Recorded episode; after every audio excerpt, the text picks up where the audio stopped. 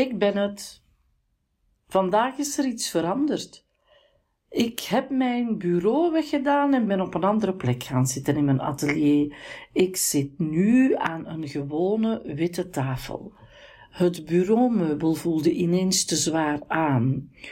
Edward draaide met zijn ogen toen ik zei dat ik een en ander wilde veranderen in het atelier, maar hij sprong mee op de fiets en kwam helpen.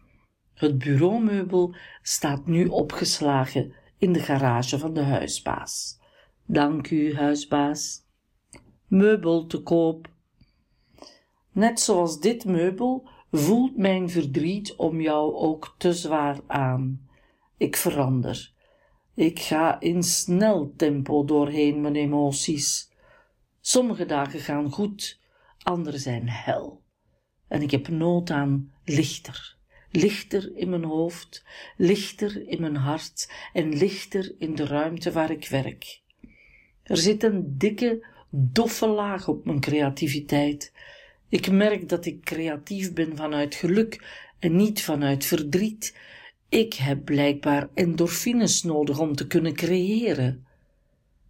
Dat betekent, mams, dat jij in de weg zit. Jezus, dat klinkt hard. Maar mijn verdriet om jou zit mij in de weg. Ik wil het weg. Ik verlang naar vrolijkheid.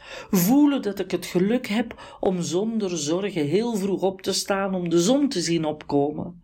Ik heb er genoeg van om tot diep in de ochtend te slapen omdat ik zo moe ben van het verdrietig zijn. Ik wil opnieuw elk moment van de dag het gevoel hebben dat ik voluit kan zingen zonder een krop in mijn keel te krijgen. Want het laatste lied dat ik zong was op maandagochtend 16 december, de dag dat jij stierf. Toen zong ik. Ik zong je in slaap. Ik zat even alleen bij jou te wachten tot mijn zus er was. Rudy was heen en weer naar de garage. Ik hield je hand vast.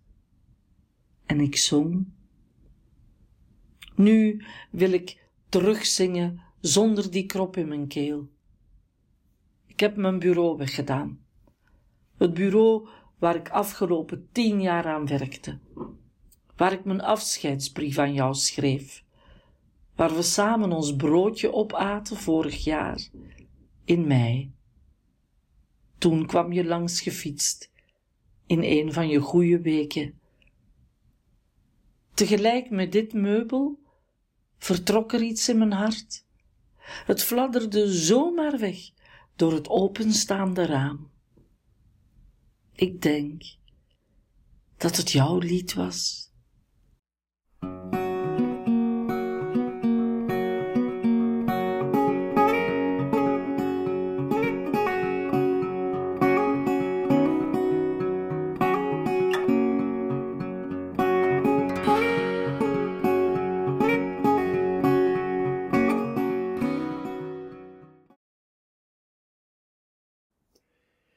Een hele goede middag. De goede luisteraar, dus niet degene die net zoals ik ook kapotte oren hebben, die zullen waarschijnlijk wel horen dat ik misschien hier en daar een beetje nasaal klink. Dat heeft er natuurlijk alles mee te maken dat ik net een weekje met griepachtige verschijnselen in mijn bed en um, op de zetel heb gelegen. En ik er een onwaarschijnlijke verkoudheid aan overgehouden heb.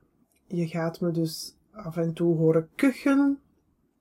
En je gaat me ook af en toe een slokje gemberthee horen drinken.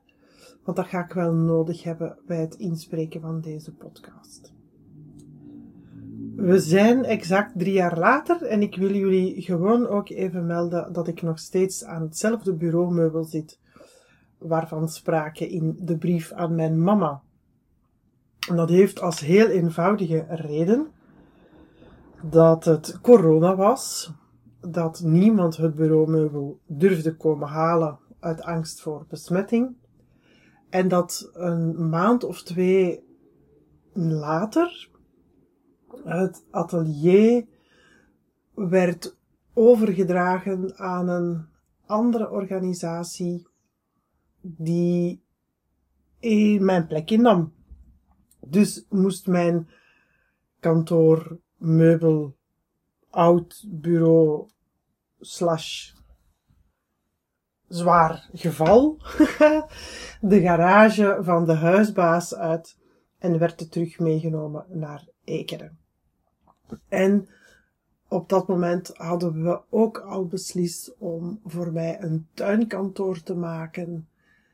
Bij ons in de tuin, uiteraard. Eh, zodat ik niet meer naar een extern atelier op zoek moest. En dachten we van, goh, ja, dan geven we het bureaumeubel daar een plekje. En ik moet zeggen dat ik er tot op de dag van vandaag een beetje een haat-liefde verhouding mee heb. Het is effectief het bureau waar ik al 15 jaar aan werk, waar ik al 15 jaar verhalen aan geschreven heb. Dus het heeft een eerder uh, symbolische waarde voor mij. Maar het staat in mijn kleine tuinkantoor slash piepelwagen eigenlijk ook gigantisch in de weg. En we zijn van plan om deze zomer de inrichting verder af te werken. Dus ik denk dat het bureaumeubel opnieuw te koop staat. Um, en dat het opnieuw kan worden opgehaald door de volgende verhalenschrijver, storyteller, om aan te werken. Dus verkoop van dit meubel drie jaar later wordt vervolgd.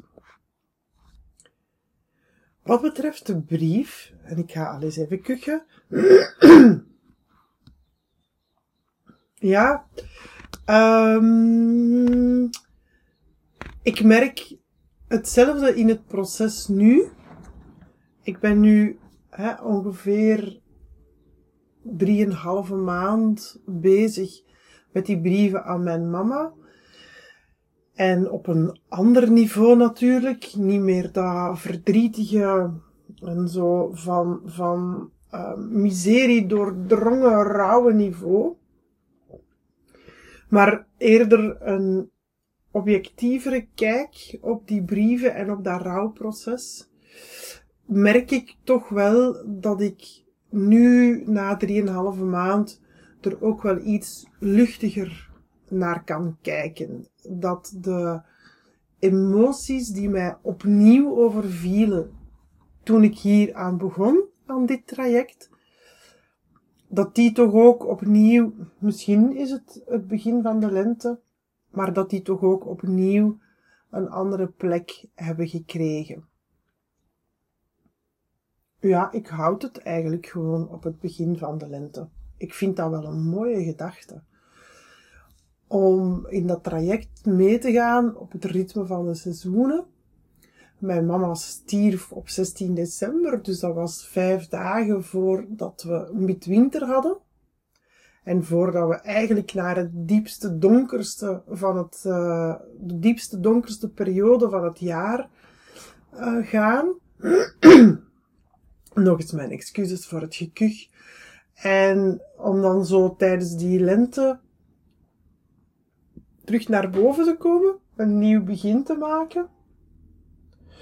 Ik vind dat wel een mooie gedachte. Ik vind dat ook een mooie gedachte voor het traject brieven aan mijn mama. Uh, en ik weet, ik weet eigenlijk niet zo goed niet meer wat ik nu ging zeggen. Uh, wat ging ik nog? Ah ja, ja. Um, ik merk ook, heel grappig, zonder dat ik die brief heb gelezen, want zoals al een paar keer verteld, ik lees die brief echt exact ja, twee minuten of drie minuten voordat ik aan deze podcast begin. Maar ik las dus opnieuw het stukje van het slapen. Het, zingen tenminste, het slapen. Waar haal ik dan nu weer? ik las opnieuw het stukje van het zingen. En dat is um, zeer grappig, want ik heb gisteren aan uh, iemand in een online meeting ook uitgesproken dat ik opnieuw ga zingen. En ik heb dat afgelopen week ook gedaan toen ik op bezoek ging bij een vriendin. Die mij ook zei van, goh, ik mis eigenlijk de zangrituelen wel. Daar heb ik ook gezegd van, ja, maar ik ga er opnieuw mee beginnen. ik ben enkel en alleen nog op zoek naar een geschikte datum om ermee te starten en naar een geschikte plaats. En er zit ook een concept in mijn hoofd waarmee ik de oerzangrituelen zou um, willen vormgeven. Tot nu lag de focus daar op het samen zingen. En ik zou eigenlijk het, het ceremoniële rituele stuk er een beetje meer willen insteken. En we zijn drie jaar later, en het is ook wel uh, sprekend, denk ik, dat ik dan die beslissing heb genomen op het moment dat ik met de podcastbrieven aan mijn mama bezig ben. Ik voel dat dat voor mij uh, hiermee werken, die, die podcasts inspreken, uh, met die brieven iets anders doen. Ik voel dat dat voor mij het toch opnieuw luchtiger maakt. Dat er zo, dat er precies toch meer licht in mijn hoofd en in mijn lijf kan. Dat er zo zonlicht kan op die, die hele donkere plekjes waarvan ik dacht dat die niet te genezen waren. Um, is het verdriet minder? Nee, maar het is wel anders. Ik voel dat het anders is. Zoals het drie jaar geleden op dat moment ineens anders was, is het dan nu ook. Het is, uh, ik, uh, ja, ik ga dat niet loslaten noemen, want dat, dat is niet. De, maar het is op, op een of andere manier, is het op, op een, heeft het een andere plek gekregen.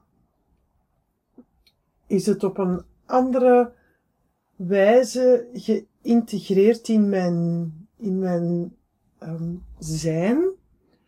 En kan ik op een minder emotioneel beladen manier ook wel terugkijken naar wie mijn mama was. En wie dat ze van tot op, van, tot op de dag van vandaag ook nog altijd is voor mij. En ik moet zeggen dat dat wel, dat voelt echt wel goed. Dat voelt echt wel goed. Ik heb, denk ik, een manier gevonden om mijn, mijn focus of mijn blik meer te richten op de mensen die er nu nog zijn en op de toekomst, dan op de mensen die er niet meer zijn en het verleden. En dat voelt goed. Dat voelt echt goed. En ik hoop, ik hoop dat je kunt begrijpen wat ik hiermee probeer te vertellen. Voilà. Dat was het voor deze week, daar ga ik het op houden. Op naar de toekomst. Bye bye, tot volgende week dus.